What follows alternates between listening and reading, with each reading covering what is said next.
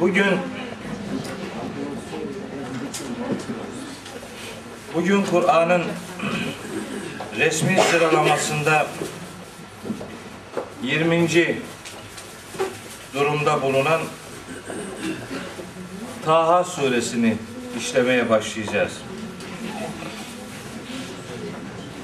Meryem suresini işlerken de zaman zaman söylemiş idim. Bu her surenin başlarında çok detay gerektirecek konular var. Surelerin başları böyle adeta yoğun bir bilgilendirmeyi zorunlu kılan bir özellik arz ediyor. Ben de bu bağlamda size bugün inşallah Taha suresinin ilk 8 ayetini okumaya gayret edeceğim. Bitmeyebilir ama hedefim odur. Hazırlığım ona göredir. İlk 8 ayeti sizlere inşallah aktarmaya çalışacağım. Önce Taha suresini çok genel hatlarıyla size bir tanıtmak istiyorum. Yani Taha suresinde biz ne okuyacağız? Ne var bu surenin muhtevası nelerden oluşuyor? Bu bağlamda bir genel tanıtıcı bilgi vermek istiyorum. İfade ettiğim gibi Taha suresi resmi sıralamada 20. konumda. İniş sırasına göre ise 45. sure. İniş sırasına göre de resmi sıralamada da Meryem suresinin peşinde yer alır bu sure. Ve Mekke dönemi surelerinden olması itibariyle Risaletin Mekke döneminin ortalarında indirildiği kabul edilir. Yani peygamberliğin 6. veya 7. yılına tekabül eder surenin iniş zamanı. Bazıları bunun hicretten hemen önce indirildiğini söylüyorsa da bu çok gerçeği yansıtmamaktadır. Çünkü Hazreti Ömer'in Müslüman oluşuna neden olan Kur'an parçacıkları bölümü buradadır. Yani Taha suresindedir. Taha suresinin ilk ayetleri Hazreti Ömer'in Müslüman oluşuna vesile olan Kur'an parçacıklarıdır. Dolayısıyla Hazreti Ömer'in Müslüman oluşu da öyle hicretin hemen öncesinde filan değil, Mekke döneminin ortalarına tekabül eden bir zaman dilimini işgal eder. O itibarla sureyi Mekke döneminin ortalarında indirilmiş bir sure olarak kabul etmek durumundayız. Bu surede yaklaşık 90 ayetlik bir pasaj ta 9. ayetinden 99. ayetine kadar Hz. Musa'nın kıssasından söz edilir. Hz. Musa'nın kıssasının en uzun anlatıldığı yer burasıdır. Bu suredir. Kasas suresinde, Şuara suresinde, Araf suresinde, Hud suresinde, İsra suresinde, Keyif suresinde kısmen bulunuyor olsa da en uzun anlatım bu surededir. Hz. Musa'nın kıssası 90 ayetlik bir pasaj işgal eder. Bu sure Kur'an'a Kur'an'ın indirilişine dikkat eden, dikkat çeken bir mesajla başlar. Kur'an'dan yüz çevirmenin faturalarının neler olacağını hatırlatan bir bölümle sona erer. Yani başı Kur'an, sonu Kur'an'dır. Arada farklı konular işlense de asıl mesaj Kur'an'ın önemine ve Kur'an'ın hak kitap oluşuna dikkat çekilmesidir. Asıl verilmesi beklenen mesaj budur. Bu surede Musa Firavun mücadelesi ile Adem İblis mücadelesi bağlamında mümin müşrik karşılaştırması yapılır. Yani Firavun'la Hazreti Musa'nın mücadelesinin anlatılma gerekçesiyle Hazreti Adem'le iblisin mücadelesinin anlatılma gerekçesi bir Müslüman tipiyle kafir tipin hangi özellikleriyle öne çık- çıktığını ortaya çıkarmaktır. Maksat budur. Der bir Müslüman kimliği ortaya koymayı başarabilmektir. Bu surenin 100 ila 112. ayetleri kıyametten söz eder. Kıyamet ahiret sürecinden söz eder. Yaklaşık bir 10-12 ayetlik bölüm. Surenin 130, 131 ve 132. ayetleri ibadetin önemine dikkat çeker. Özellikle de namaz ibadetinin gerekçesi üzerinde ısrarla durur. Yine bu surenin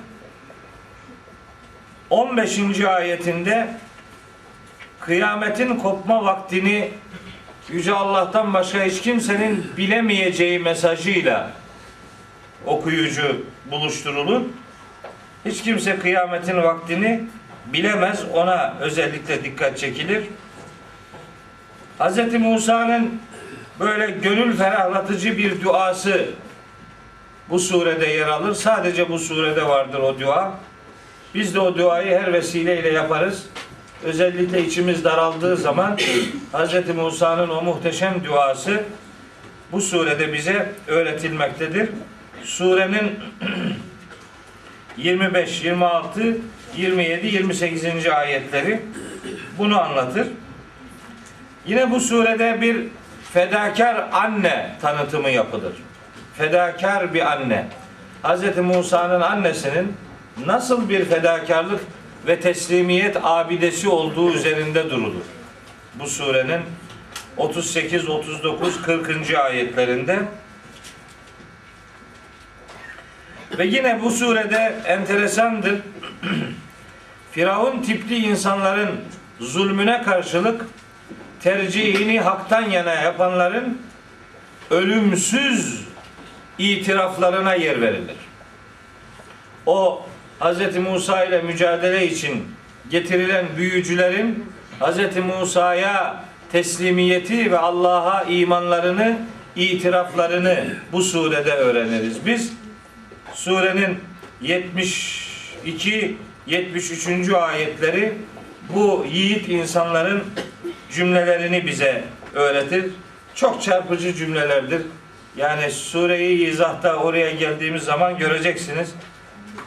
Bugün böyle bir iman abidesi insanlar emin olun yok denecek kadar azdır. Belki de hiç yoktur. Bu surenin 113 ve 114. ayetleri yine Kur'an'ın indiriliş gayesine dikkat çeker. Ve nihayet surenin 130. ayetinde namaz vakitlerinin beş vakit şekilde Kur'an'da belirlenmiş olduğu mesajı yine bu surede yer alır. Surede 130. ayette namaz vakitlerinin beş olduğu bu surede ifade edilir. Anlamak isteyen için, öğrenmek isteyen için, Kur'an'da bu bunlar var mıdır sorusunu sormak durumunda olanlar için 130. ayet bence çok açık bir ayettir ve namazın beş vakit olduğu gerçeği Taha suresinde açıkça ilan edilmiştir. İnşallah tabi Taha 130. ayet demek surenin bitmi, bitimi demek. 135 ayetlik sure. Biz o ayeti ne zaman okuruz bilmem. Yani ona ulaşmak için çok uzun bir süre lazım. İnşallah İnşallah o günleri görürüz. Ya böyle derken şimdi zannetmeyin ki bu 10 sene sürecek. Yani yok. Bu bu dönem bitiririz bu süreyi inşallah. Yani öyle düşünüyorum. Kıssalarda çok anlatacağım bir şey yok. Yani kıssalardan sadece güne ne getirilir? Birkaç cümleyle onlar üzerinde duracağız. Sureyi Meryem'den daha erken bitireceğimizi düşünüyorum. Meryem suresi 98 ayet 99 ayet 98 Bu 135 ayet. Buna rağmen bu daha erken bitecektir inşallah. Şimdi genel hatları itibariyle Taha suresi böyle bir sure. Yavaş yavaş surenin ayetlerini tanıyalım. Bakalım neler oluyor.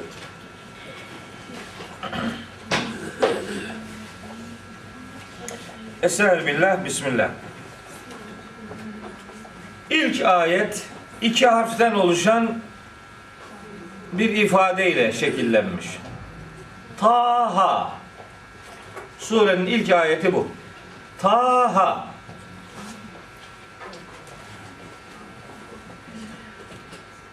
Taha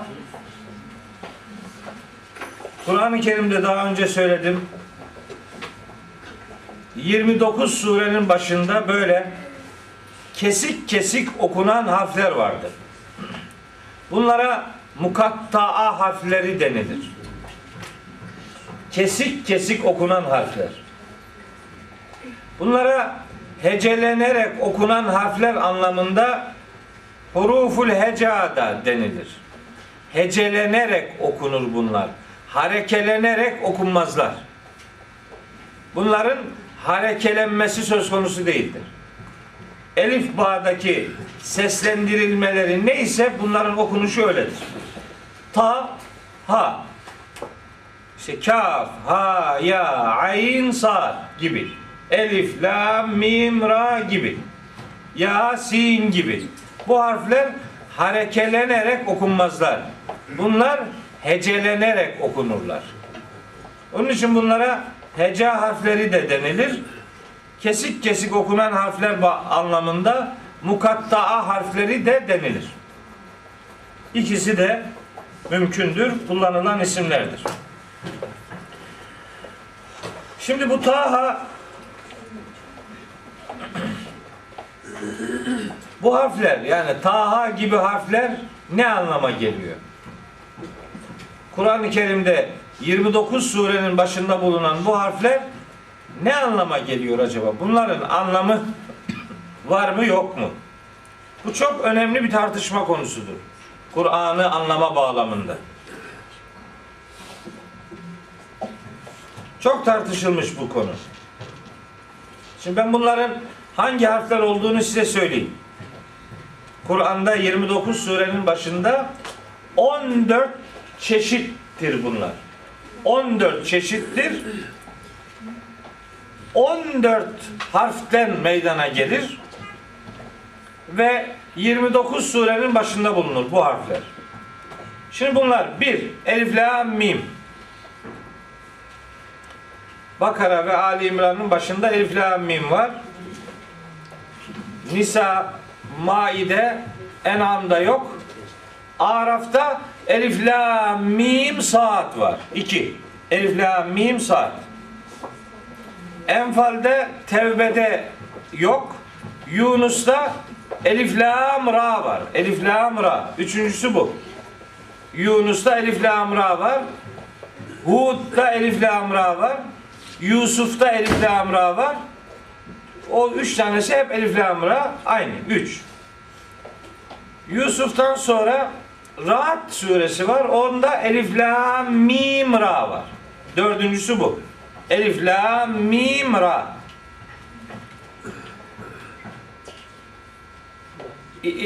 İbrahim'de Elif lam ra var. Onu saymıştık. Hicr'de Elif lam ra var. Nahil'de yok. İsra'da yok. Kehif'te yok. Meryem'de kaf, ha, ya, ayin, saat var. Beş. Bu Taha'da Taha var. Altı. Enbiya'da yok. Hac'da yok. Müminun'da yok. Nur'da yok. Furkan'da yok. Ee, şu arada Tasin Mim var. Yedi. Tasin Mim. Yedi. Nemil'de Tasin var. Sekiz. Ee, Kasas'ta Tasin Mim var. Ankebut'ta Elif Lam Mim var. Rum'da Elif Lam Mim var. Lokman'da Elif Lam Mim var. Secde'de Elif Lam Mim var. Onları saymıştık. Ahzab'da yok. Sebe'de yok. Fatır'da yok. Yasin var. 9 değil mi? 9. Saffat'ta yok. Saad var 10. Zümer'de yok.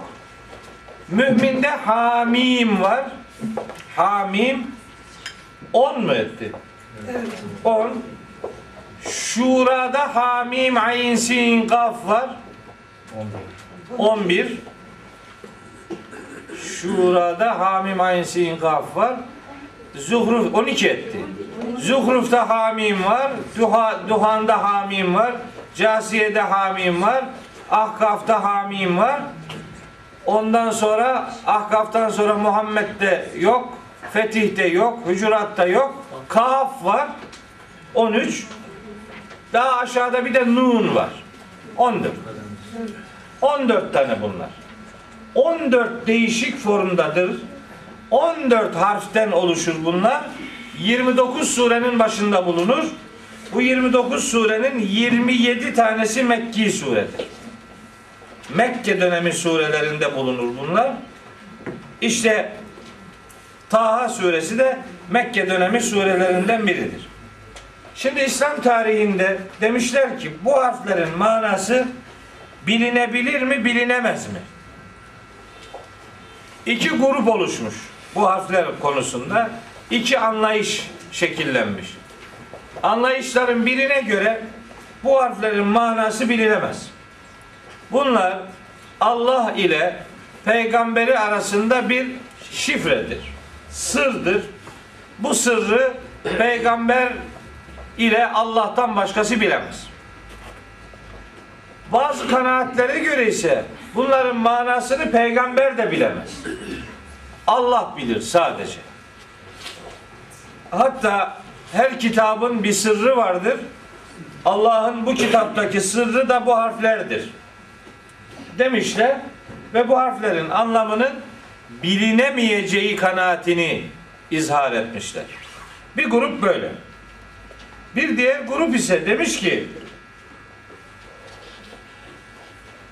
canım niye bilinemesin? Niye bilinemesin ki? Bilinirler demişler.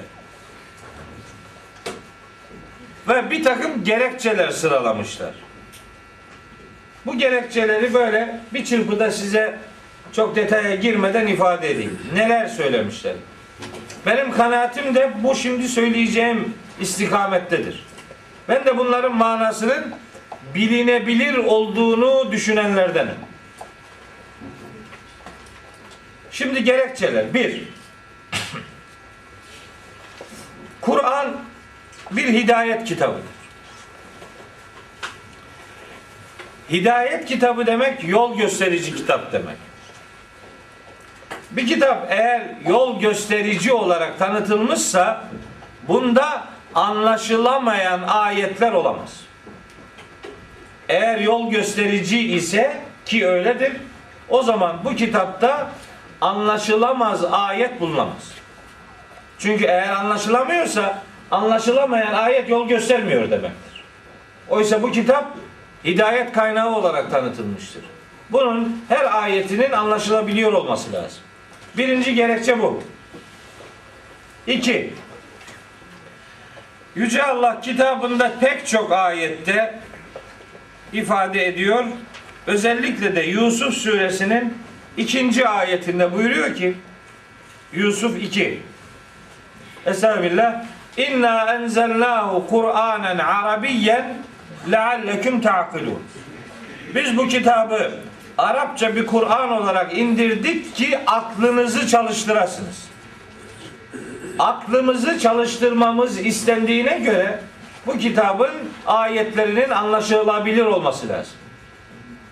Anlaşılamayan şeyler için akıl çalıştırılamaz. Anlaşılamıyorsa aklı neyini çalıştıracaksın? Madem aklı çalıştırmak iste, istiyor Yüce Allah, o zaman bunların anlaşılması lazım. Üç, Yüce Allah bu kitabı bize tanıtırken buyuruyor ki Nahil suresi 103. ayette ve Şuara suresinin Şuara suresinin 195. ayetinde ve hada lisanun arabiyyun mubinun Kur'an apaçık bir Arapça dille gönderilmiştir. Kur'an apaçık Arapçadır. Apaçık Arapça ne demek? Anlaşılabilir Arapça demektir. Yoksa niye apaçık desin ki? Mübin demek. Mübin hem apaçık demektir hem açıklayıcı demektir. Mübinin iki anlamı vardır. Bir, açıklayan. iki apaçık olan. Ayetler birbirinin açıklaması mesabesindedirler. Dolayısıyla apaçık Arapça ile gelen bir kitabın anlaşılamaz diye nitelendirilmesi doğru değildir. Dört, başka bir gerekçe. Kur'an-ı Kerim'de dört ayette tedebbürden söz edilir. Tedebbür diye bir kavram var. Çok önemli bir kavramdır bu. Tedebbür. Tedebbür ayetleri inceden inceye düşünerek anlamaya çalışma eylemidir. Tedebbür. Ayetleri inceden inceye düşünerek anlamaya çalışma işlemidir.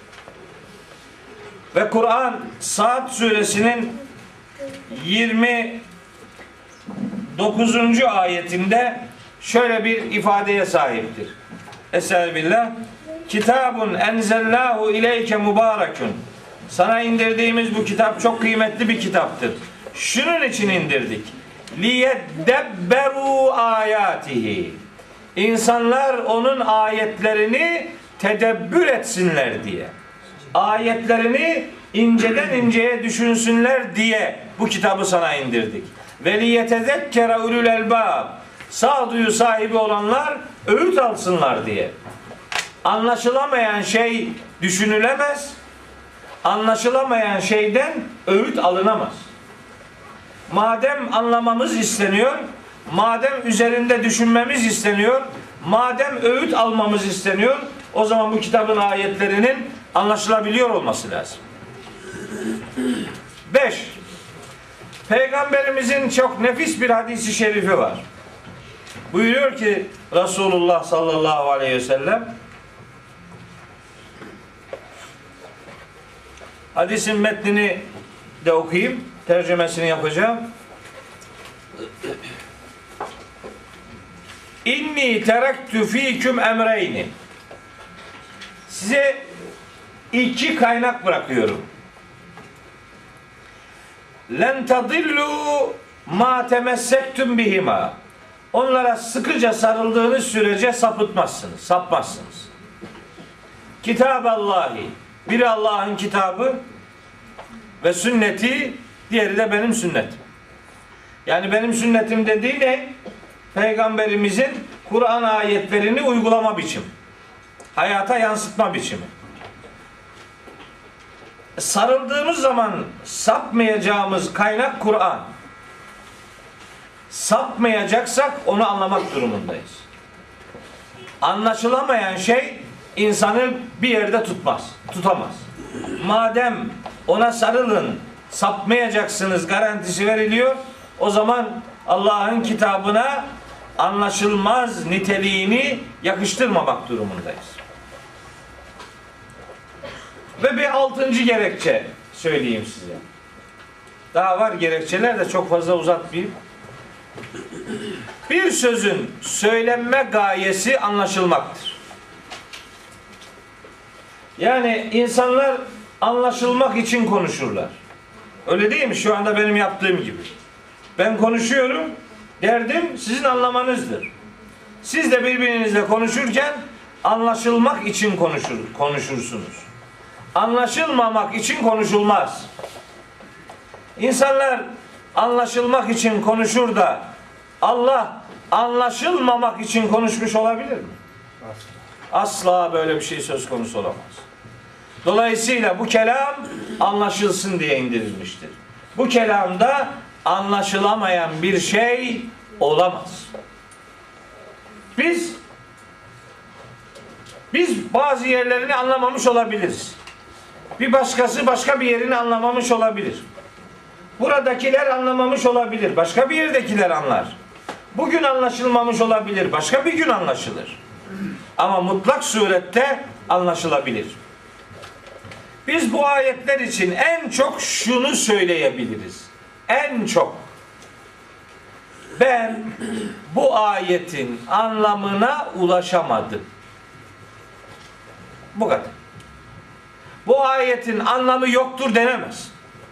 Sen ulaşamamış olabilirsin. Tamam. Bu mümkün. Ama ayet anlamsızdır sonucunu verecek bir yaklaşım doğru bir yaklaşım değildir. Peki Peki ya ne anlama geliyor bunlar madem öyle?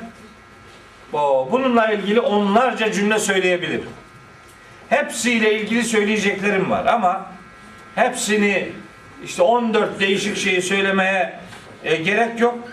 Sadece şimdi okuyacağımız surenin başındakinin ne anlama geldiğini söyleyeyim. Taha üç anlam veren bir ifadedir. Bir, bu surenin adıdır. Taha. Surenin adı bu. Anlamsız değil. Surenin adı. Şimdi mesela buna telefon deniyor değil mi? Telefon. Bu aracın adıdır bu. Şuna bardak deniyor. Bardak. Şimdi bu bardak kelimesi anlamı yoktur denir mi? Var işte. Bu nesnenin adı bu. Bir şeyin adıysa onun anlamı o şeyin adı olmaktır. Bir.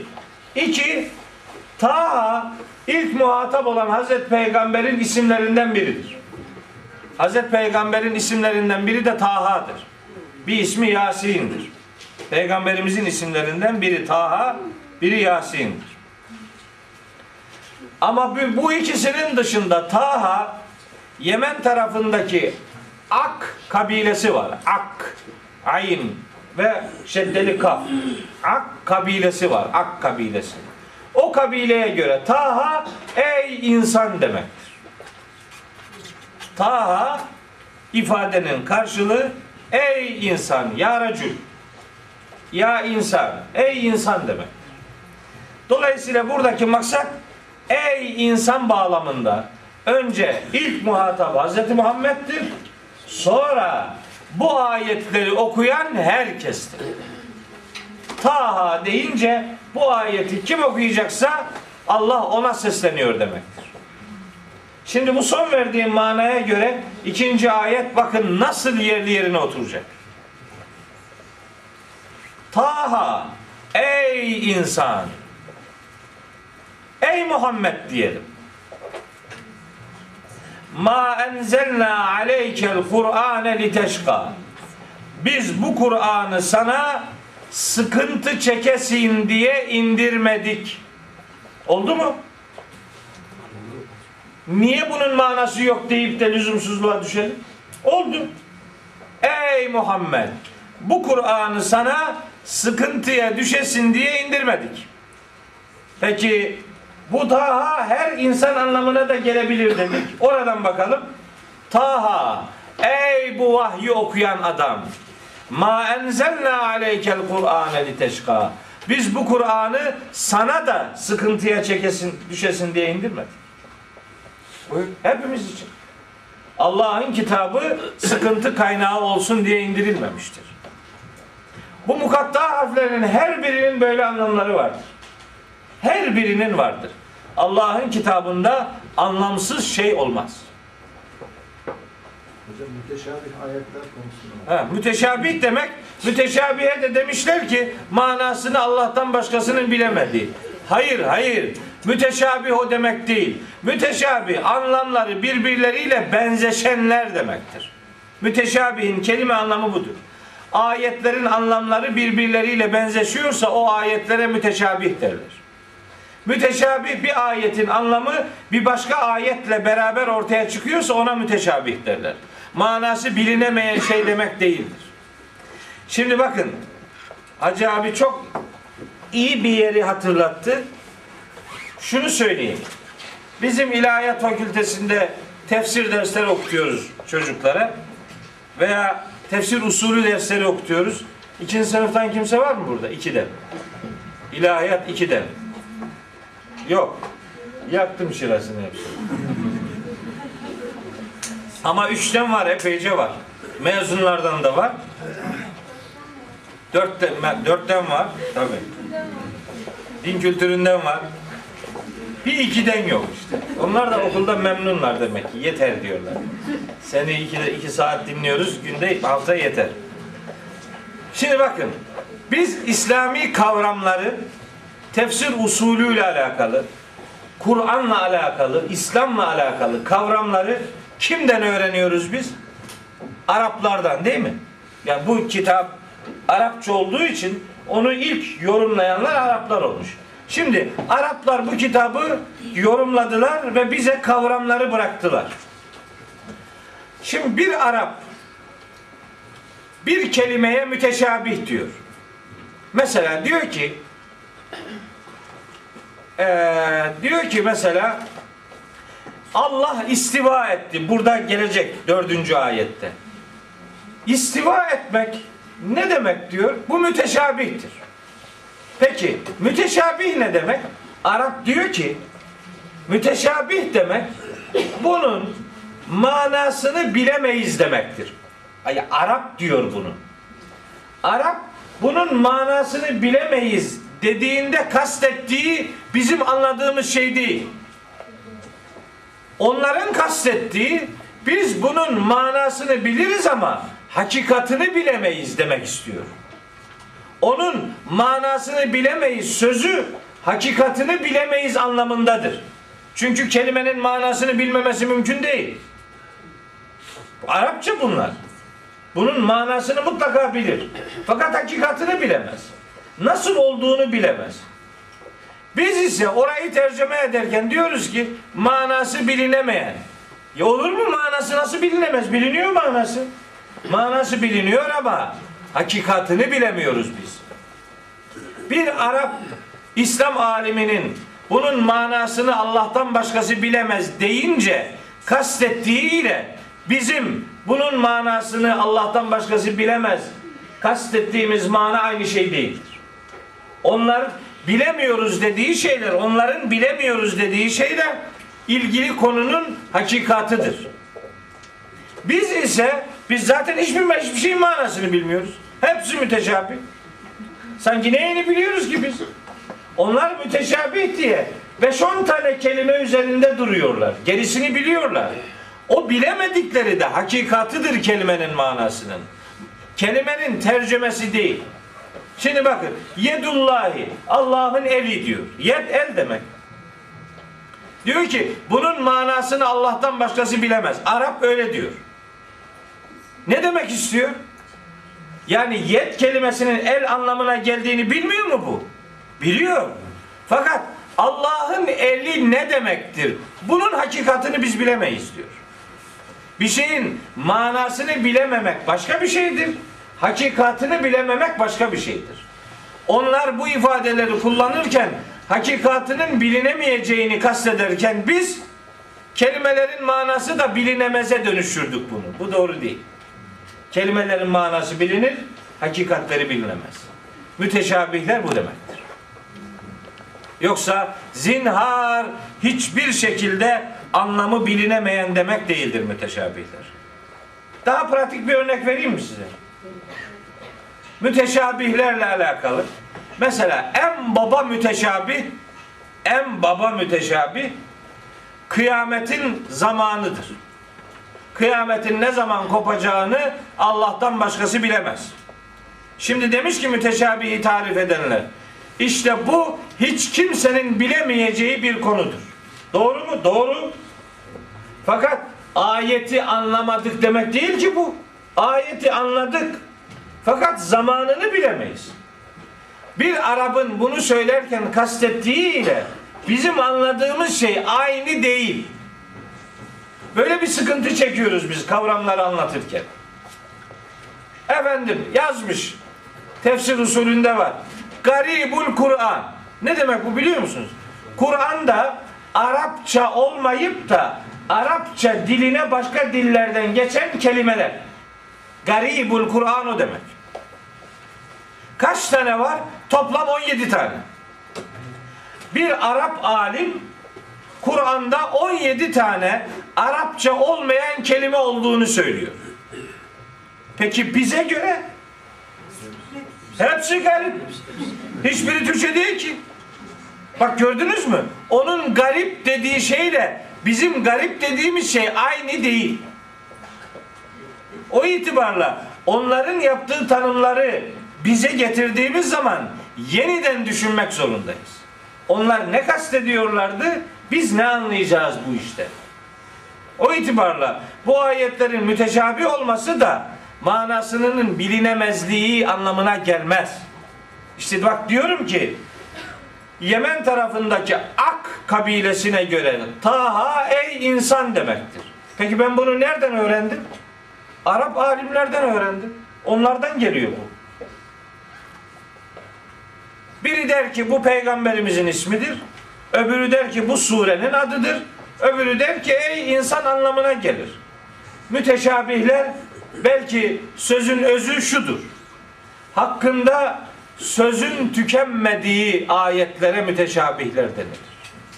Söz tükenmez.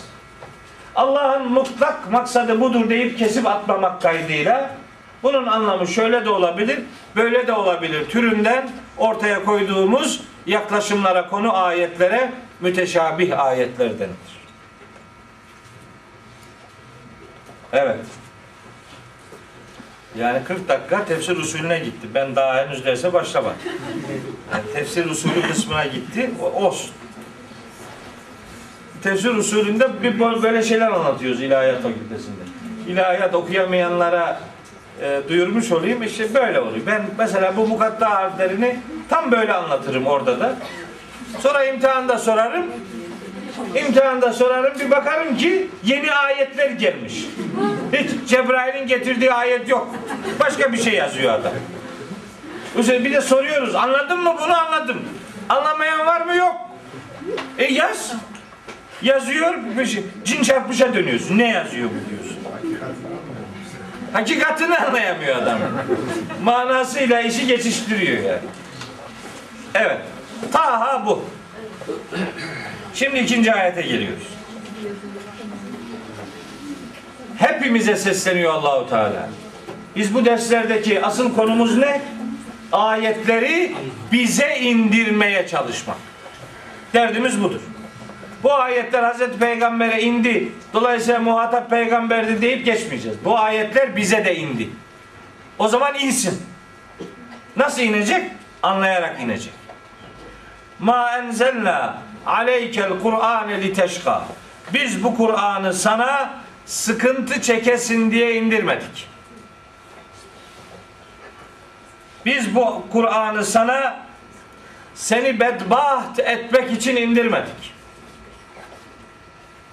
Biz bu Kur'an'ı sana zorluk çekip mutsuz olasın diye indirmedik.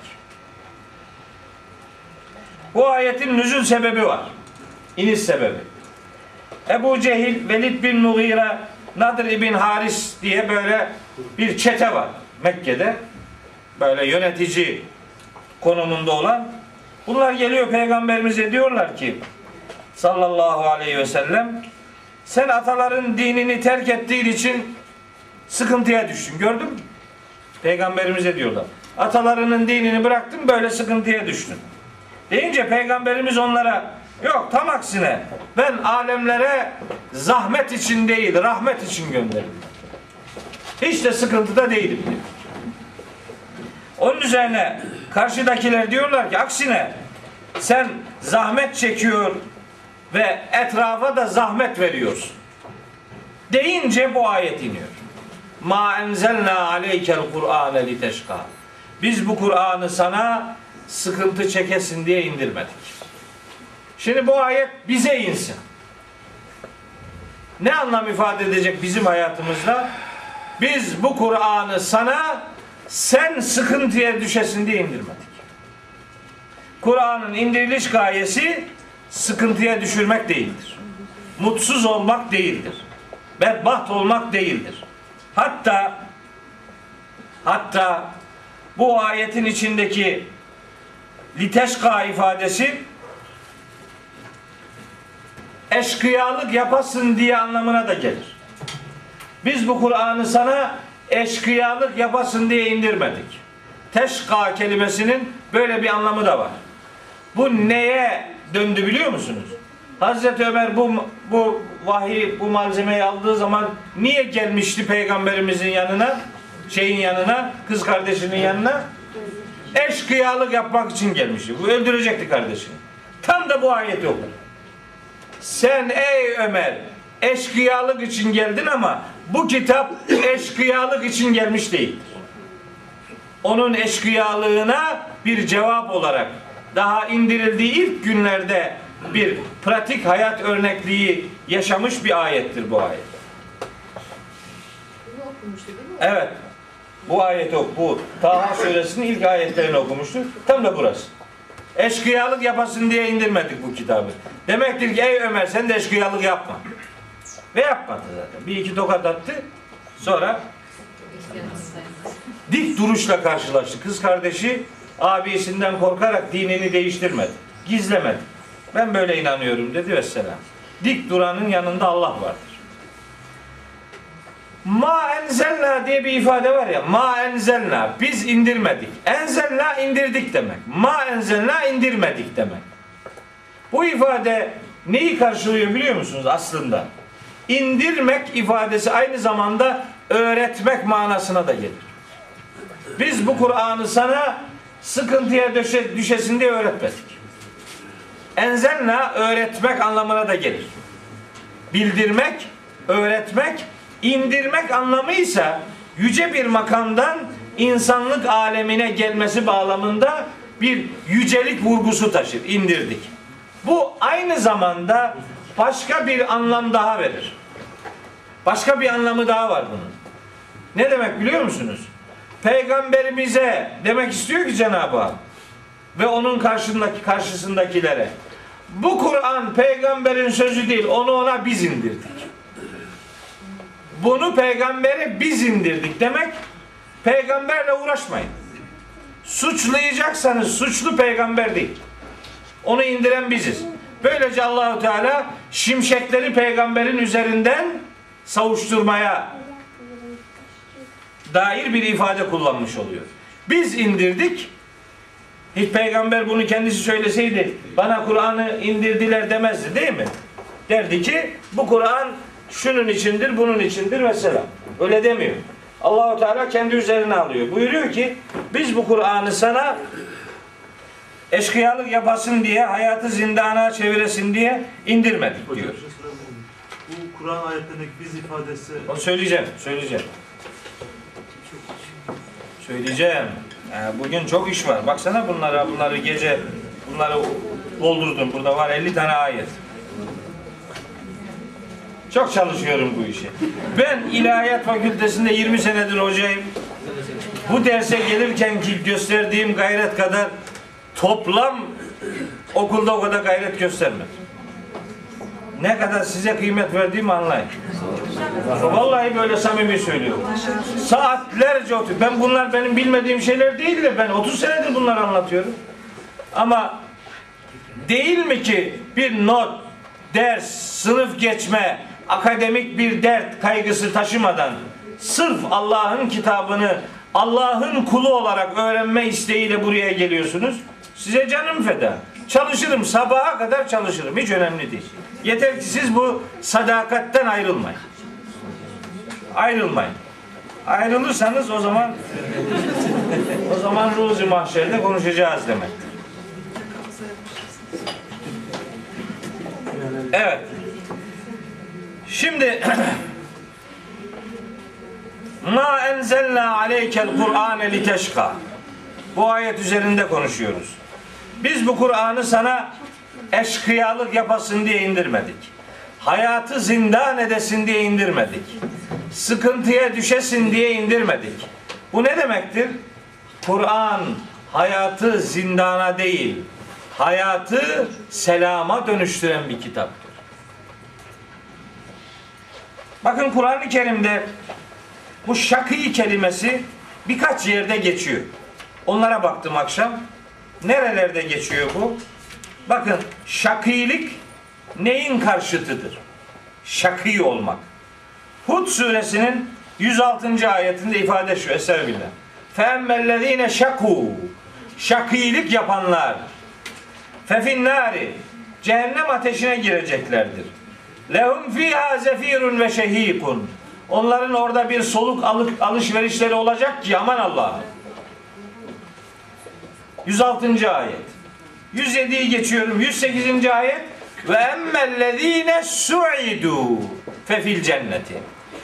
Mes'ud kılınanlara gelince onlar da cennette olacaklardır. Demek ki şakilik mes'udluğun zıddıdır. Yani şakilik sonu cehenneme açılan bir yolculuğun adıdır. Şaki, şaki olmak. Said olmak cennete giden yolun yolculuğunun adıdır. Şakilik saidliğin zıddıdır. Hud suresi 106 108'de geçiyor. Sonra şeyde Ala suresinde şakilik haşyetin zıddı olarak kullanılıyor. Haşyetin. Bakın orada geçiyor ki Seyezzekkeru men yakşa Ala suresinin 10 ve 11. ayetleri. Haşyet duyan, saygı duyanlar Kur'an'dan öğüt alacaklardır ve yetecennebuha el eşka. Şakiler ise ondan uzaklaşacaklardır. Demek ki şakilik haşyet denen boyun büküşün zıttı bir kavramdır. Şakilik boyun bükmemek demektir. Yani Allah'a karşı azgın olmak demek. Azgınlığı tercih etmek demektir. Şakilik. Yine bir de Leyl suresinde geçiyor bu kelime. Orada da buyuruyor ki Yüce Allah La yaslaha illel eşka Cehenneme ancak azgın olanlar, şaki, en azgın olanlar gireceklerdir. Kimdi bu en azgın? Hazreti Salih'in kavminden deveyi hunharca katleden adama da Şems suresinde Yüce Allah 12. ayette ilim ba'ate eşkaha en eşkıyası yere atıldı. Azgınlığı hayatının vazgeçilmezi yapan adama şakî veya eşka derler. Bunun zıddı nedir? Ve seyücennebu hel etka. Muttakiliktir. Demek ki şakiliğin üç tane karşılığı var Kur'an'da. Karşıtı, zıddı. Bir, bir, mes'ud kılınmak, mutlu kılınmak. İki, muttaki olmak. Üç, haşyet, duyarlılık ve yüreğinden Allah'a karşı sevgi dolu bir ürperti duymak. Saygı ifadesiyle Allah'a karşı bir duruş ortaya koymak buna haşyet deniliyor. İşte şakilik bunların zıddıdır. Şakilik mesutluğun zıddıdır, haşyetin zıddıdır, takvanın zıddıdır. İşte bu Kur'an bir adamı mutsuz yapmaz, eşkıya yapmaz, takvadan uzaklaştırmaz, saygısızlaştırmaz Kur'an. Kur'an bir adamı aldığı zaman, ele aldığı zaman onu dünyada da ahirette de mutlu kılar. Onu dünyada da ahirette de Allah'a karşı saygılı kılar ve onu dünyada da ahirette de Allah'a karşı muttaki kılar. Muttaki neydi? Muttaki duyarlı insan. Ve Kur'an muttakiler için hidayet kaynağıdır değil mi? Huden lil muttakin. Kur'an bir adamı takva sahibi yapmakla bırakmaz. Onu takva sahibi olarak yaşatmayı da vaat eder. Takva sahibi olarak ölünceye kadar ondan ayrılmamayı sağlar. Kur'an'ın sahipliği dünya ve ahiret hayatı boyunca devam eder. Kur'an demek ki hayatı zindan etsin diye indirilmiş bir kitap değildir. Peki nedir? Öyle değildir de ya nedir peki? Üçüncü ayet. İlla ancak ve ancak Kur'an'ı sana şunun için indirdik. Birinci ayet Kur'an'ın niçin indirilmediğini söylüyor. Peşinden gelen niçin indirildiğini söylüyor. Bu bir eğitim metodur. Bir şeyin zıddını söylemeyle yetinmeyeceksin. Düzünü de söyleyeceksin. Yani alternatif sunacaksın. Bir şey zararlıdır deyince yararlının ne olduğunu da söyleyeceksin. Kur'an bu metodu uygular. Eşkıyalık yapasın diye indirmedik. Peki ne için indirdik? İşte onun cevabını veriyor. Üçüncü ayet. İlla muhakkak ki şu kadar var ki şunun için indirdik. Tezkireten. Tezkire olsun diye indirdik.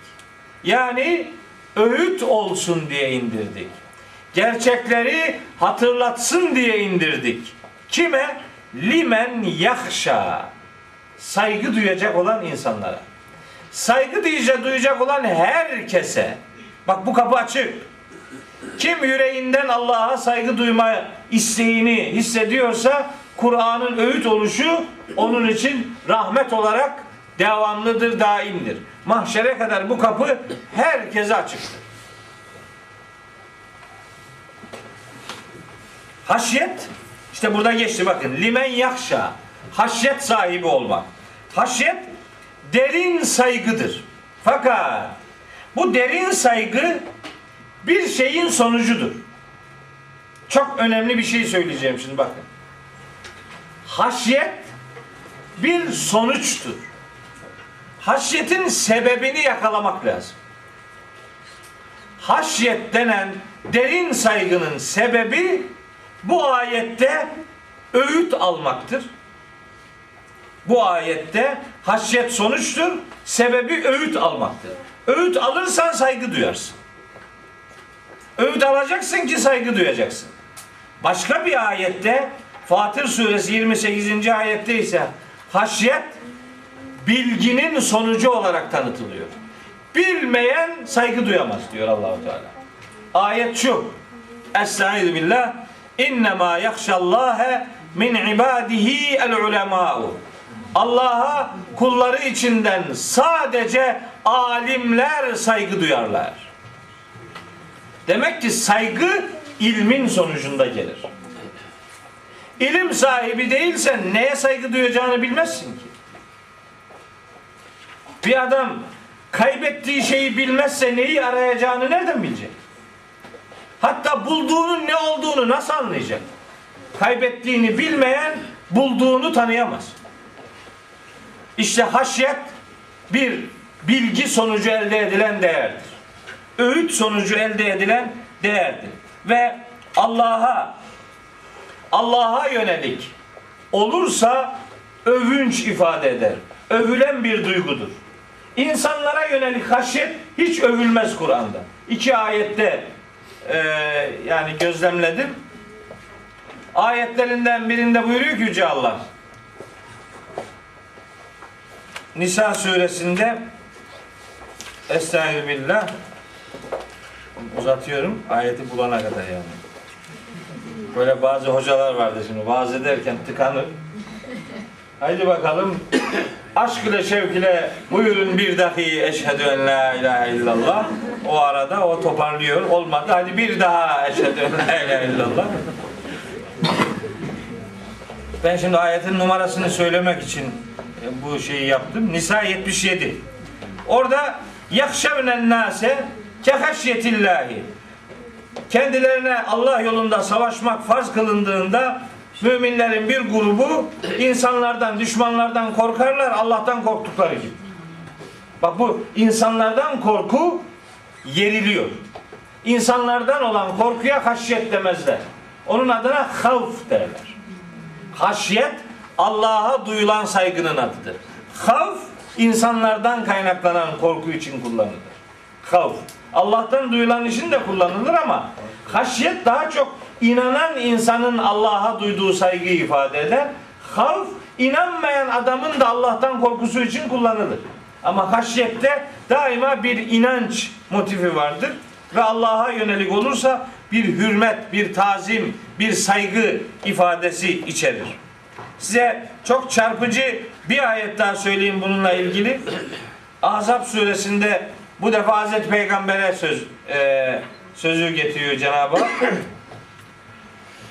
Biliyorsunuz da Hazreti Peygamber'in Hazreti Zeynep'le evliliğini anlatır bu Ahzab suresi. Kaçıncı ayet? 34, 35, 34 yok.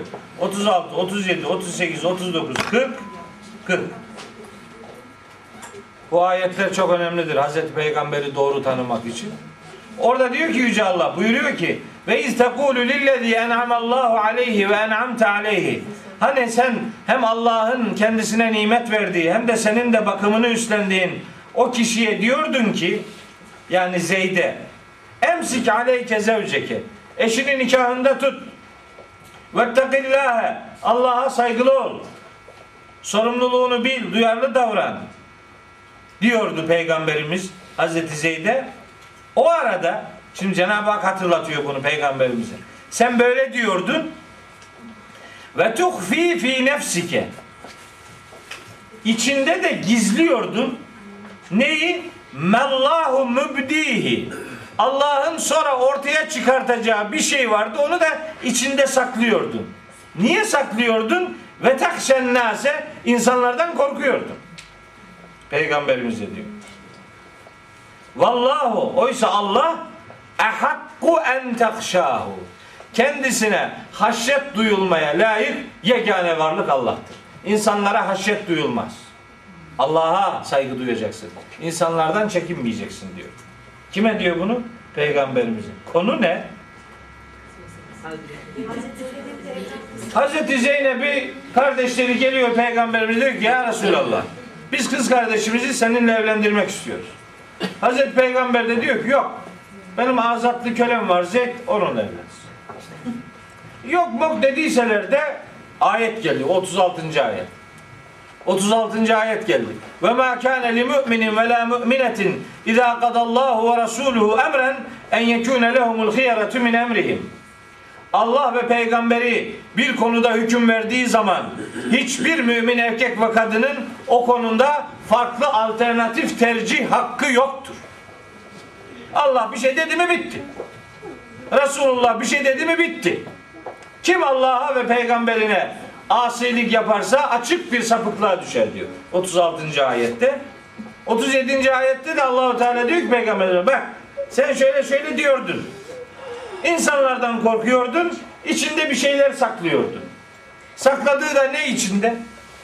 Hazreti Zeyd ile Hazreti Zeynep uymadı birbirine.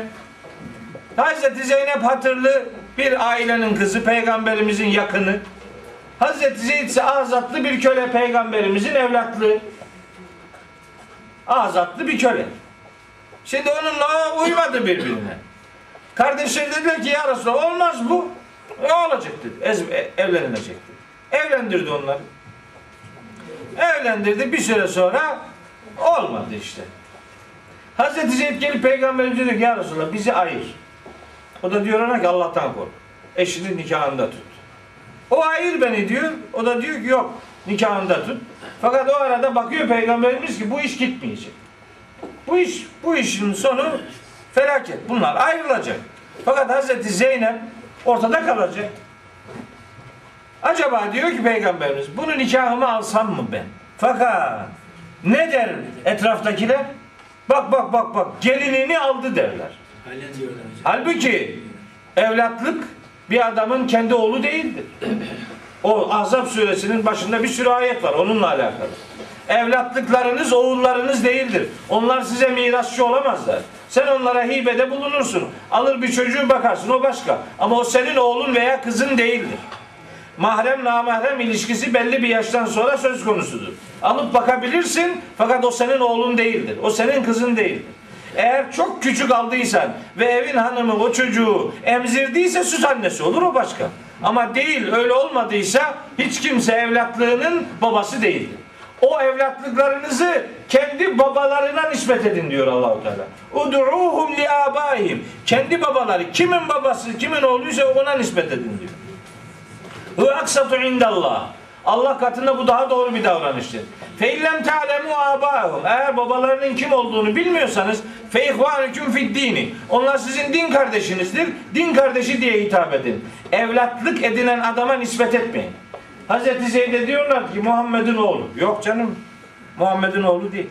Onun için ma kana Muhammedun eba ahadin min ricalikum geliyor 40. ayette. Muhammed içinizden hiçbirinizin hiçbir erkeğin babası değildir diyor. Orada maksat peygamberimiz hiç erkek oğlu olmadı demek değil. Zeyd yani evlatlığı onun oğlu değildir. Onu vurgulayan bir ifadedir. Peygamberimiz bunlar evlenli, evlilikleri yürümeyecek. Bunu acaba alsam mı diye düşünüyor ama diyemiyor onu millete. Allahu Teala diyor ki insanlardan korkuyordum benim ortaya çıkartacağım şeyi. Bizim tefsir kitaplarının bir bölümünde ne yazıyor biliyor musunuz bununla ilgili? Hazreti Zeynep bir gün çamaşır yıkıyormuş. Böyle de ince bir şey giymiş üzerine. Peygamberimiz onu görmüş, çarpılmış. Yani demiş ki ey kalpleri değiştiren Rabbim kalbime mukayyet ol. He. Hep böyle demiş. Zeyd'le evlenmeden önce ona teklif edilmişti. Alırdı onu. Allah Allah. Zaten yanında bildiği kız. Böyle çirkin şeyleri peygamberimize nasıl isnat ediyorlar? Tefsir güya. Böyle tefsir olur mu? Allah'ın peygamberini neyle suçluyorsun sen? Böyle olunca ne diyorlar biliyor musunuz? İşte aşık olunca Zeynep'e Zeyd'e zorla boşattırdı hanımı. Ya bu kadar Kur'an'dan aykırı düşünce olur mu ya? Yani çok saçma şeyler var bazı kitaplarda gerçekten. Yani. Bunun aslı bu. Niye buraya geldi? Konu o değil o. Haşyet insanlara doğru hissedilirse bu kötü bir du- duygudur. Allah öyle diyor. Haşyetin adresi Allah. Haşyet Allah'a yönelik bir saygının ifadesidir. İnsanlara duyulana haşyet denmemelidir. Evet. Öğüt alınacak ki haşyet duyulsun dedim. Bilgi sahibi olunacak ki haşyet duyulsun dedim. Ve dolayısıyla bu ayete göre Kur'an'ın haşyet duyacak insanlar için öğüt olduğu gerçeğini ilk başaran insan kimdir? Hazreti Muhammed. Fakat ayet onunla sınırlı değildir. Limen yakşa. Kim saygı duymak istiyorsa Kur'an'ın öğüt oluşu onu da ilgilendiriyor. Ne zamana kadar? Ta mahşere kadar. Çünkü Allah'ın daveti evrenseldir ve mahşere kadar bu davet geçerlidir. Evet. Burada bir şey daha var. Bak şimdi. Çok önemli bir şey daha var. Asla kaçırmayacağız bunu. Haşyet sahibi olmak için Kur'an'ın öğüdünü insanlara sunmak gerekir. Başka şeyler adamı haşyet sahibi yapmaz. Haşyet sahibi yapan şey Kur'an'dır. Bak.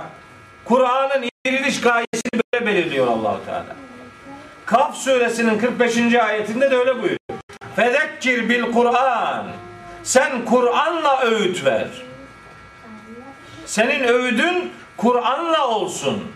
Kur'an insanlara haşyet sahibi olmayı getirir. Kaf 45. ayet. Zariyat 55. ayet. Ve zekkir fe inne zikra tenfa'ul müminin. Sen Kur'an'la öğüt ver. Çünkü Kur'an'ın öğüdü müminlere mutlaka yarar sağlayacaktır. Zariyat 55 veya Ala suresi 9. ayet. Ve zekkir in nefaati zikra. Sen Kur'an'la öğüt ver. Öğüt mutlaka yarar sağlayacaktır. Ve Peygamberimiz bu bağlamda Kur'an'dan öğüt alan insan olarak aynı zamanda öğütçü kimliğiyle bu ümmete tanıtılmıştır. Fezekkir ey peygamber sen öğüt ver. İnnemâ ente müzekkirun. Çünkü sen sadece ve sadece bir hatırlatıcısın. Senin işin budur. Demek ki biz insanların haşyet sahibi olmasını sağlamak istiyorsak ne yapmalıyız? Kur'an'la öğüt vermeliyiz. Bunu ben söylemiyorum. Bunu Kur'an'ın sahibi söylüyor. Ben bu kitabı saygı duyacak olan insanlara öğüt olsun diye indirdim diyor. Demek ki öğüt bu kitapla elde edilir. Bu kitapla verilene öğüt derler. Bu öğüdün sonucunda haşyet meydana gelir. Yani hikaye ve masal anlatarak değil, menkıbe ve yalan anlatarak değil, Allah'ın kitabı insanlara anlatılarak insanlarda haşyet duygusu daha kemale erer, daha anlamlı ve gözle görülür bir sonuç meydana getirir diye bu ifadeleri ayetle ilgili söylemiş olayım. Evet, devam ediyoruz. Kaç ayet okuduk? Üç. Daha bugün şey var mı burada şey? Yapmayın. Evet. Dördüncü ayet. Bitmedi. Bak şimdi bitmedi. Bir bakın şimdi ne diyor ya. Bu, bu surelere ben bayılıyorum. Bunun bir ayetini 10 saat konuşsan yeridir. öyle acayip şeyler söylüyor ki yani. Yani kendini vallahi ondan kopartamıyorsun. Böyle cazip bir kitap bu. Diyor ki bak dördüncü ayet. Gene Kur'an'ın indirilişiyle alakalı bu defa kaynağına gönderme yapıyor. Tenzilen bu kitap indirme biri tarafından indirmedir. Enzelna. Şimdi ilahiyatçılara sorayım bakayım. İnzal ile tenzil arasında ne fark var? İnzal ile tenzil arasında. Kur'an'ın inzali ne demektir? Kur'an'ın tenzili ne demektir? Kur'an'ın inzali ha bu tahminle olmaz. Bu bilgiyle olur. Şey hocam Ha, yani Mahfuz'a indirmiş. O Kur'an'ın inzali toptan indirilişi, tenzili perakende indirilişi. Öyle kabul ediyor eski alimlerimiz. Kur'an'ın inzali, Kur'an'ın toptan indirilişidir. Kur'an'ın tenzili ise onun peyderpey indirilişidir. Böyle bir ayrım yapmışlar. Bu doğru mu? Hayır. Doğru değil. Hiçbir şekilde doğru değil. Kur'an'ın inzali ve tenzili arasında indiriliş bağlamında hiçbir fark yoktur. Çünkü Kur'an'ın indirilişi için inzalde, tenzilde kullanılıyor. İşte bu ayet onun bir örneği. Bakın, ma enzelna diye ikinci ayet, tenzilen üçüncü ayet. Aynı şey. Kur'an'ın indirilişinin inzali ile tenzili arasında fark yoktur. Eyvah bildiğimiz bir şey daha gitti demeyin. Bunun doğrusu bu. İnzal tenzil aynı şeydir. İkisi de Kur'an'ın indirilişiyle alakalıdır. Hocam silgimiz var, siliyoruz. bu. Şey, ya, ya sil- tasih edelim. Silmeyelim de tasih edelim yani. Silince o zaman diyorlar ki işte onu reddetti, bunu inkar etti filan Allah Allah. İçini daha doğru Kur'ani bir veriyle doldurmaya çalışıyoruz. Yaptığımız budur. Kimseye bir şey demiyoruz. Onlar fikir ürettiler. Biz de Kur'an'dan anladığımızı söylüyoruz. İşte buyurun yani bir şey benim başka bir ayet okumama gerek yok ki. Ma enzelna ikinci ayette geçiyor. Tenzilen üçüncü ayette geçiyor. Biri inzal, biri tenzil. Aynı şey. Aynı şey. Tenzilen bir indirme olarak Kur'an'ı indirdik. Şöyle bir indirme, şöyle bir indirme tekniği veyahut da şöyle bir indirmeye konu edindik Kur'an'ı. Şöyle bir makamdan geldi bu. Nasıl bir makam? Nereden geldi? Kimden geldi? Mimmen halakal arda. Arzı yaratan tarafından. Yani yeryüzünü yaratan. Başka? Ve semavati el ula. Ve yüce gökleri yaratan tarafından indirildi. Demek ki Kur'an arzı ve yüce gökleri yaratan Allah tarafından indirilerek insanlarla buluşturuldu. Hocam burada arz semavattan önce kullanılmış. Genel ifade semavat. İsbiri. İsbiri ne demek abi? Sabret. Evet. Şimdi bakın. Çok önemli bir şey söyleyeceğim. Çok çok önemli. Bakın ikinci ayette ma enzelna dedi. Biz indirdim, indirmedik veya enzelna diyelim. Biz indirdik. Ma enzelna biz indirmedik. İndirme fiilinin faili kim? Kim indirdi yani? Biz. Biz diyor değil mi? Zamir biz. Na. Biz. Burada ise tenzilen mimmen halaka. Aa, bu Arapça işte bu. Olsun. Bakın şimdi. Ma enzelna. Bu biz. Biz indirdik. Biz bu ayette ise mimmen halaka. Yaratan yaratan indirdi. Yani halaka yaratan kim? O. Değil mi? O indirdi oluyor şimdi. Arapçada. Mütekellimden gaibe dönüş derler buna Arapçada. Yani zamirlerin dönüşümü. Bunun Arapçadaki adı iltifat sanatıdır. İlla mütekellimden zamir olmak zorunda değil. Muhataptan gaybe ola- olabilir, gaipten mütekellime olabilir. Yani şahıslar arasında dönüşüm. Buna iltifat sanatı derler. Arapçada bunun adı budur. İltifat. Peki maksadı nedir?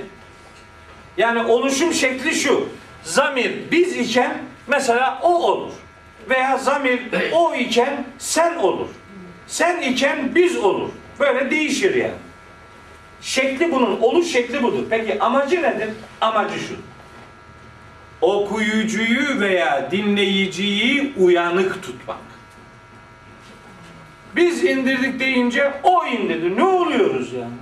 Birden insan acaba hitap mı değişti? Acaba konu mu değişti?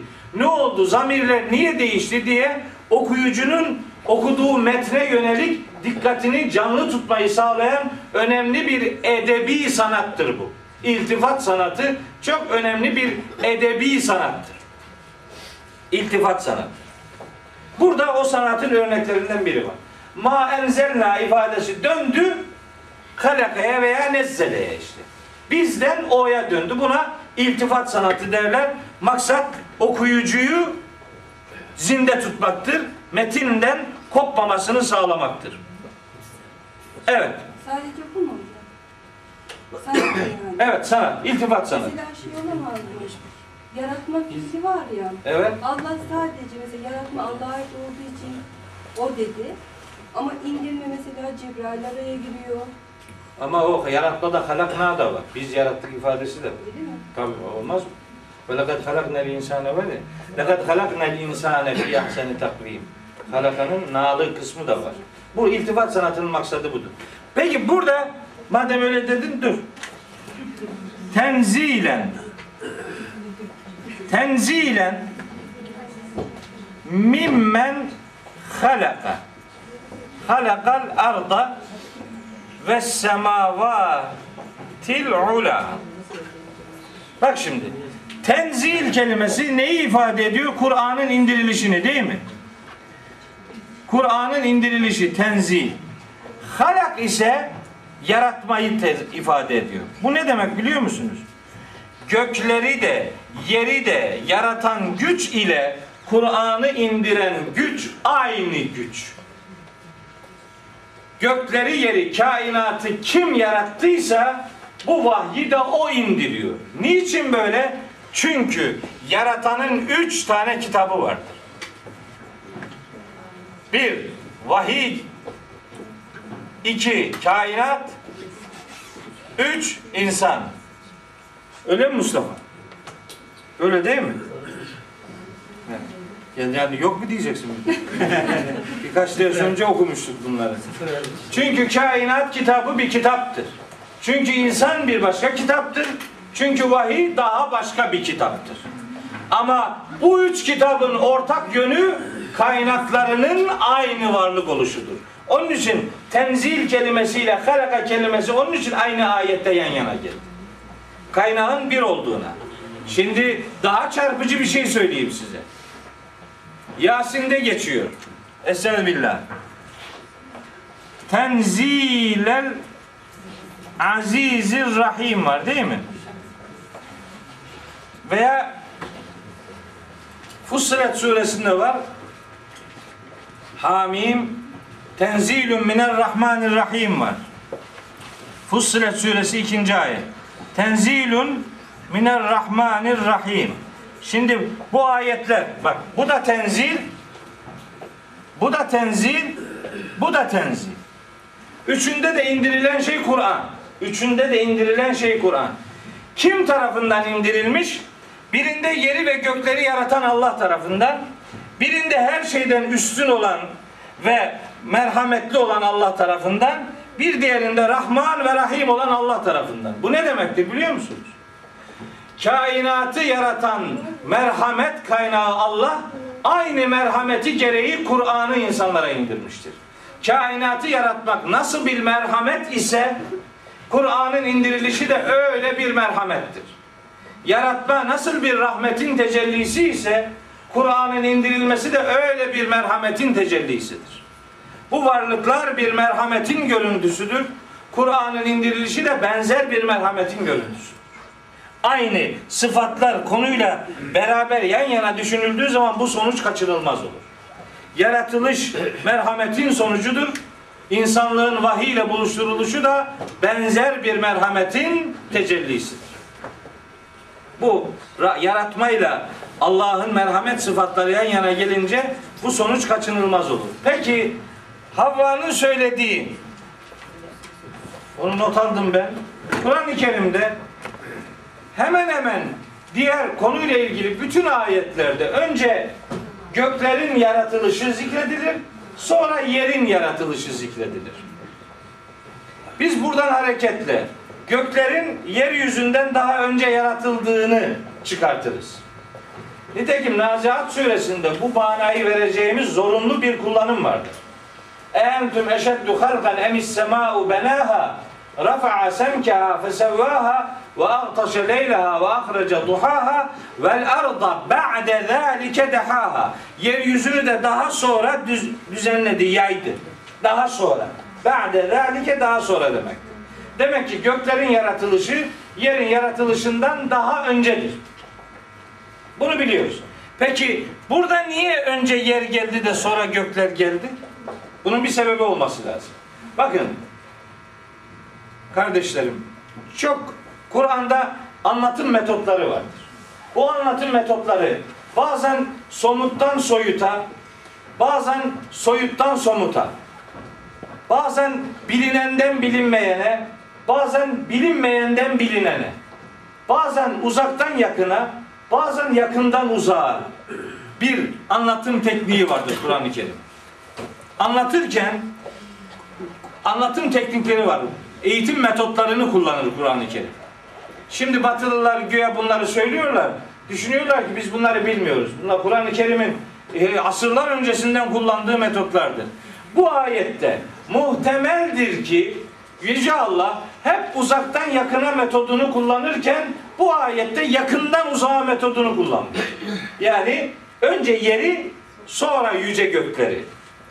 Önce insanın yara yaşadığı yeri ona ibret alsın diye hatırlatıyor.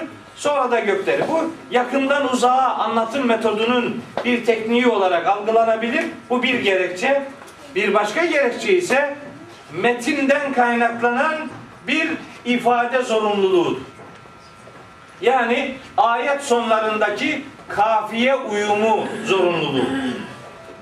Taha ma enzelna aleykel Kur'ane liteşka illa tezkireten limen yakşa tenzile mimmen halakal arda ve semavatil ula Er-Rahmanu alel arşisteva Bakın hep A diye bitiyor. Eğer bu kelime soruya gelecek olsaydı bu kafiye bozulacak. Kur'an aynı zamanda söylenişiyle de yürekleri yürekleri yumuşatan bir ifade esnekliğine sahiptir. Buradaki el-ula kelimesi maksat es-semavatın sonraya gelmesi değil, kafiyenin tutturulmasıdır. El-ard kelimesine sıfat verecek olsaydı ula demeyecekti. Çünkü yüksek yer yok yani. Olmayacaktı bu. Es-semavat kelimesine, el-ula kelimesinin sebebi kafiye uyumudur. Yerin gökyüzünden önce zikredilmesinin sebebi de muhtemelen yakından uzağa metodunun uygulanması ve ifade metodunun yani kafiye uyumunun sağlanmış olmasıdır diyebiliriz. Hocam inzal ve tenzil e, şey içinde kullanılmış olabilir mi? E, Allah'ın yaptığı diğer sadece e, Kur'an için değil, kainat ve vahiy için ve insan için. Kullanılıyor hepsi için. Yani inzal ve tenzil hem kainat için hem vahiy için hem insan için. Yani sadece vahiy bir anda gelmedi ama kainat bir anda yaratılmadı. Peyder bir yaratıldı. O anlamda kullanılmadı. E, Kur'an'ın da peyderpey gelişine dair ayetleri vardır. Kur'an zaten 23 yılda peyderpey geldi. Yaratılışta da peyderpeylik vardır. vardır. Dolayısıyla kainatın yaratılışıyla vahyin indirilişi arasında toptan ya da perakende oluş anlamında aralarında bir fark yok. Yani. Şimdi e, altı günde yarattık. Zaman e, var. O bir dönem, evre, aşama demektir. Doğrudur. Ama o en- inzal kelimesiyle ifade edilmez o.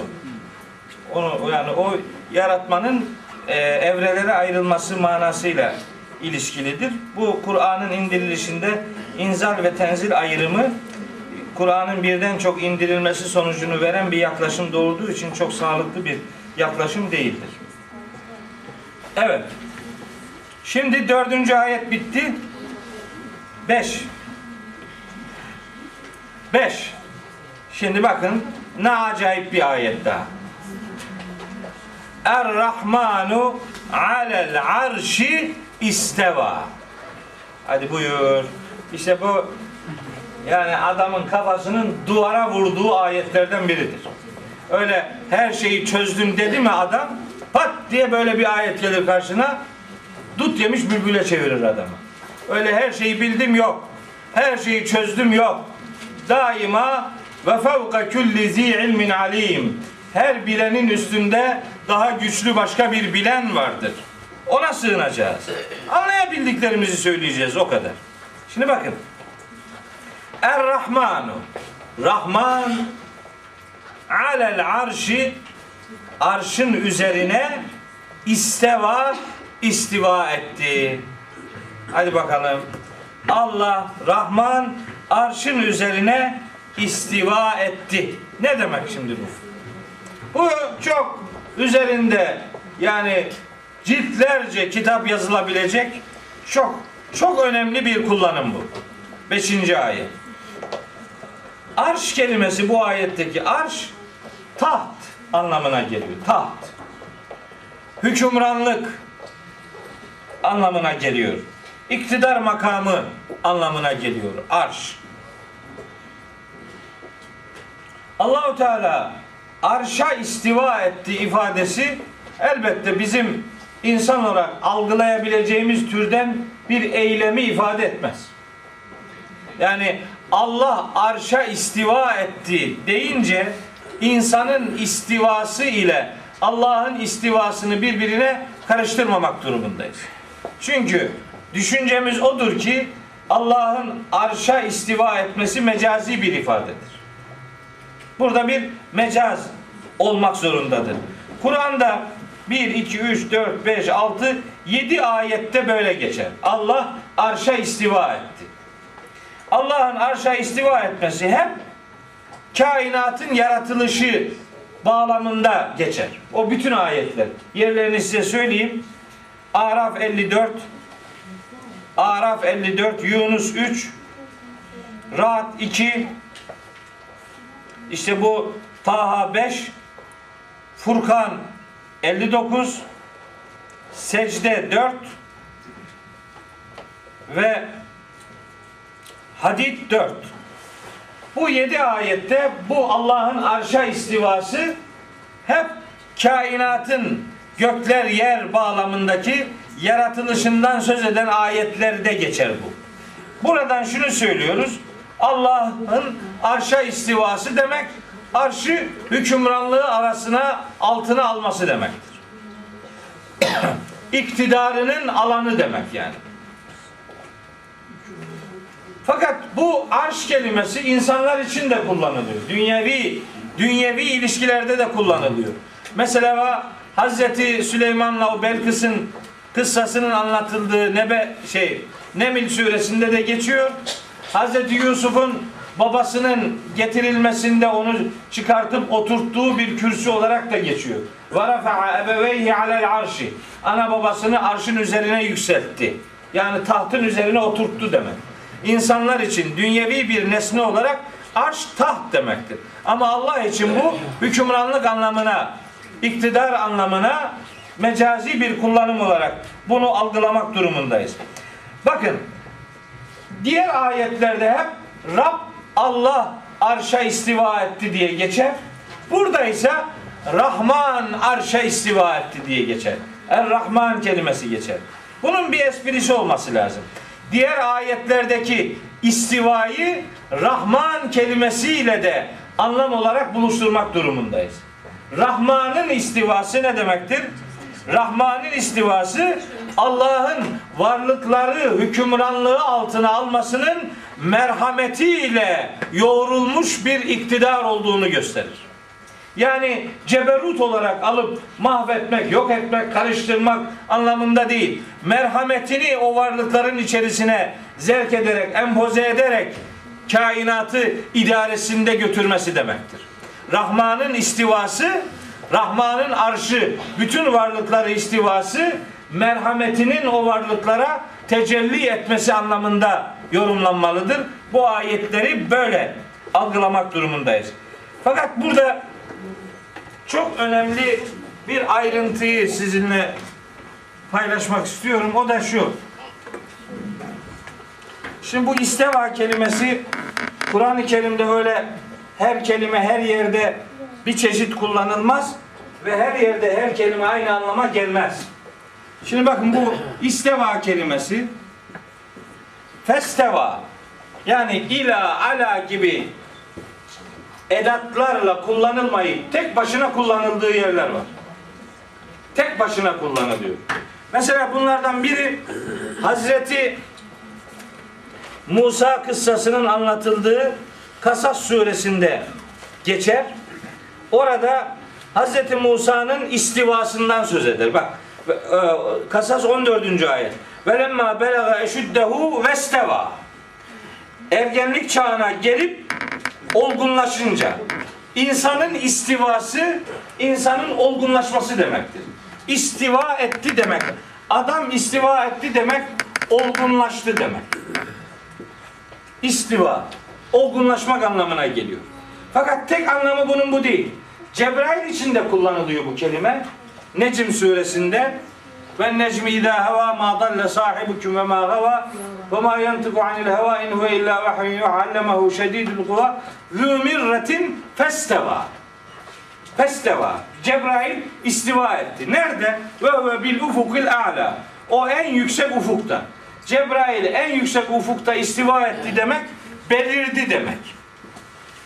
Belirdi. İstiva etmek belirmek demektir. Belirmek, görünmek, kaplamak. İsteva. Ama bir edat yok. Tek başına isteva diye geçiyor buralarda.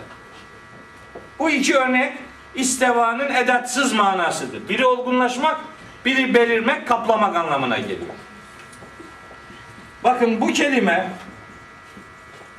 isteva ila edatıyla da kullanılıyor.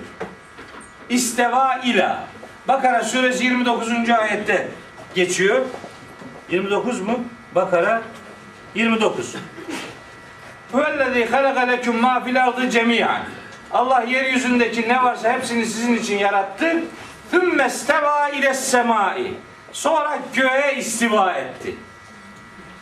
Allah göğe istiva etti. Demek isteva ila edatıyla kullanılıyorsa yönelmek demektir.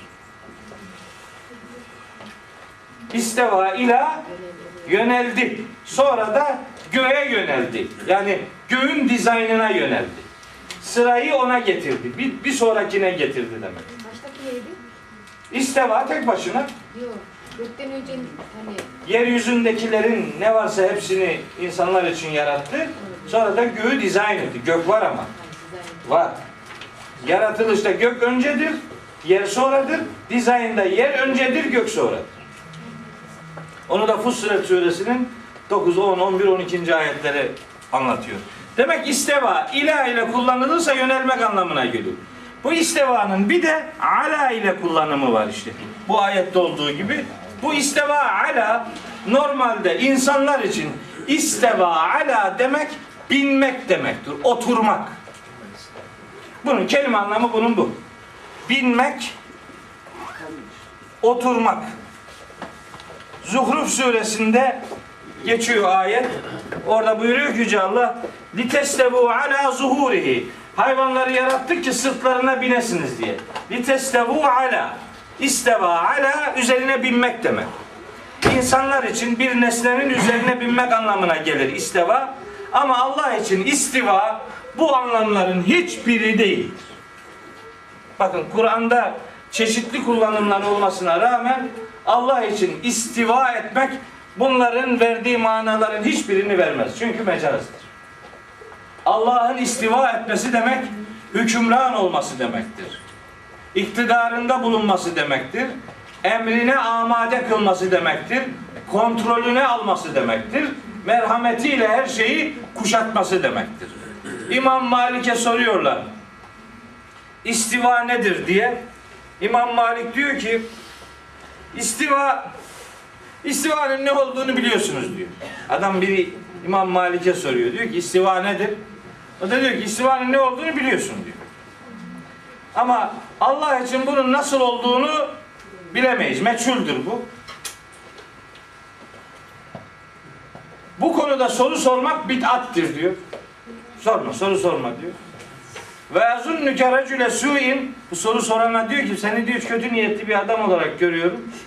Ehricuhu anni çabuk bu adam buradan uzaklaştırın diyor. Şimdi İmam Malik'in mantığı şu. Diyor ki sen istivanın ne olduğunu biliyorsun. Oturmak. Ama niye beni zorluyorsun? Allah oturdu dedirteceksin bana öyle mi? Nereye oturdu? Ne ile oturdu? Ben ne bileyim diyor. Bunlar Allah için bilinmez. Bunlar Allah için bilinmez. Olabiliyorsa, mümkünse yorumlanır. İstiva etmek demek hükmü altına almak, emri altına almak, kontrolü altına almak, hükümran olmak gibi anlamlara gelir. Mecazen bu böyle yorumlanır. Ama işin hakikatini biz bilmeyiz. Allah'ın arşa istivasının hakikatte karşılığı nedir onu biz bilmeyiz. Orada duracağız. Onu Allah bilir. Fakat biz sadece ayetleri zımnen biraz yorumlayabiliriz. Yapabildiğimiz bundan ibarettir. Evet. Tümmesteva Rahman alel arşisteva. Şimdi bakın bir şey daha anlatıyorum bitireceğim o bir üç ayet kalıyor. Şu Arkadaş en başta bir şey sormuştu onu güme getirmeyeyim diye ifade ediyorum. Bakın şimdi. Kur'an'da Allahu Teala bazen biz de değil mi? Biz. Gerçi biz bunu bu, burada bir- bir- biraz anlatmıştık sevgili kardeşim. Ama vesile oldu bir daha söyleyeyim. Allah bazen biz der. Bazen hani ma enzelna dedi ya ikinci ayette. Biz. Bazen üçüncü ayette olduğu gibi halaka o der. Bazen o der Allah. Evet. Allahu Teala bazen biz der. Bazen huve o der. Bazen ene ben der. Bazen mesela bu ayette olduğu gibi adını kullanır. Ya Allah der, ya Rahman der, bir şey der. Bak allah Teala kendisi için dört değişik ifade kullanır. Bazen adını kullanır. Bazen ben der, bazen o der, bazen biz der. Dört ifade tekniği. Niye böyledir? Allah niye böyle değişik ifadeler kullanır kendisi için? Bunun bir tane bir tane cevabı var. Allah'ı insanlara veya herhangi bir varlığa benzetemeyeceksiniz onun için. Sen tam o derken Allah tam ben der. Ben der, bene kodlanmışken biz der. Bize kodlanmışken Allah der, Rahman der. Allah'ı başka hiçbir varlığa benzetmemeyi öğretmek için ve Cenab-ı Hakk'ın bir insan gibi algılanmamasını öğütlemek için kendisine ait ifadelerde dört çeşit kullanım tercih eder. Ben, o, biz ve kendi özel isimleri ve sıfatlar. Bunların böyle kullanılışının sebebi budur. Ama diğerleri tekil biz çoğul. Şimdi onu geliyorum. Niye böyle çeşitli kullanılıyor? Sebebi bu. Peki bu sebepler arasında özellikle biz dediğinde bu neyi ifade edebilir? Buna muhtemel cevaplarımız var. Çeşitliliğin tek cevabı var. Nedir tek cevabı? Allah bir insan gibi algılanmasın. Oh. Cevap bu. Niye çeşitli kullanılıyorun cevabı bu. Peki niye biz diyor? Onun birkaç cevabı var. Bir, yüceliğini vurgulamak için. Yüceliğini vurgulamak için. Biz, biz şanı yüce olmak demektir. Üstünlük, erişilmezlik, makamının, gücünün, kuvvetinin, kudretinin yüksekliğini, yüceliğini ifade etmek için biz diyor olabilir. Bunu ihtimal bu. Bunlardan öyle bir kesinliğimiz yok. Bir. İki. Tevazuyu insanlara öğretmek için tevazu, mütevazi olmayı insanlara biz demeyi öğretip ben dememeyi öğretmek için. Mütevaziliği öğretmek için. Biz demeyi öğretmek için biz demiş olabilir. Üç, istişareyi önemsetmek için. İstişare, fikir danışıklığı, birbiriyle fikir alışverişinde bulunmayı öğretmek için. İstişareyi öğretmek için Allahu Teala biz demiş olabilir. Bunların üçü de ihtimaldir. Yüzde yüz cevap budur diyecek halimiz yok. Ancak bu üçünden ayrı bir başka dördüncü gerekçeyi daha size söyleyeyim. O benim kanaatimdir. Ya ben buldum demek değil. Başkaları da söyledi de yani. Ben de öyle düşünüyorum. Dört, Allah'ın biz dediği yerler melek kullanımını gösterdiği yerler. Allah'ın biz dediği yerlerde hep melekler istihdam edilmiştir. Ma enze- enzelna inzal ettik, vahyi indirdik demek Cebrail ile indirmek demektir. Yağmuru yağdırdık demek Mikail ile yağdırmak demektir. İnsanları öldürdük demek Azrail'i kullandık demektir. Kıyameti koparttık demek İsrafil'i kullandık demektir vesaire. Bu biz ifadeleri Kur'an'da meleklerin kullanımının söz konusu olduğu konularda geçerlidir. Ama diğer üç tane mana ihtimali de ihtimal dahilindedir, doğrudur. Bunları da bu vesileyle söylemiş olalım. Sırayı artık tam saat 3'e geldi. Daha uzatmayalım. İşte başka bir program var. 5. ayetten itibaren inşallah şey 6. ayetten itibaren onu inşallah haftaya devam ederiz. İnşallah bitiririz bakalım. Hadi Allah'a emanet olun.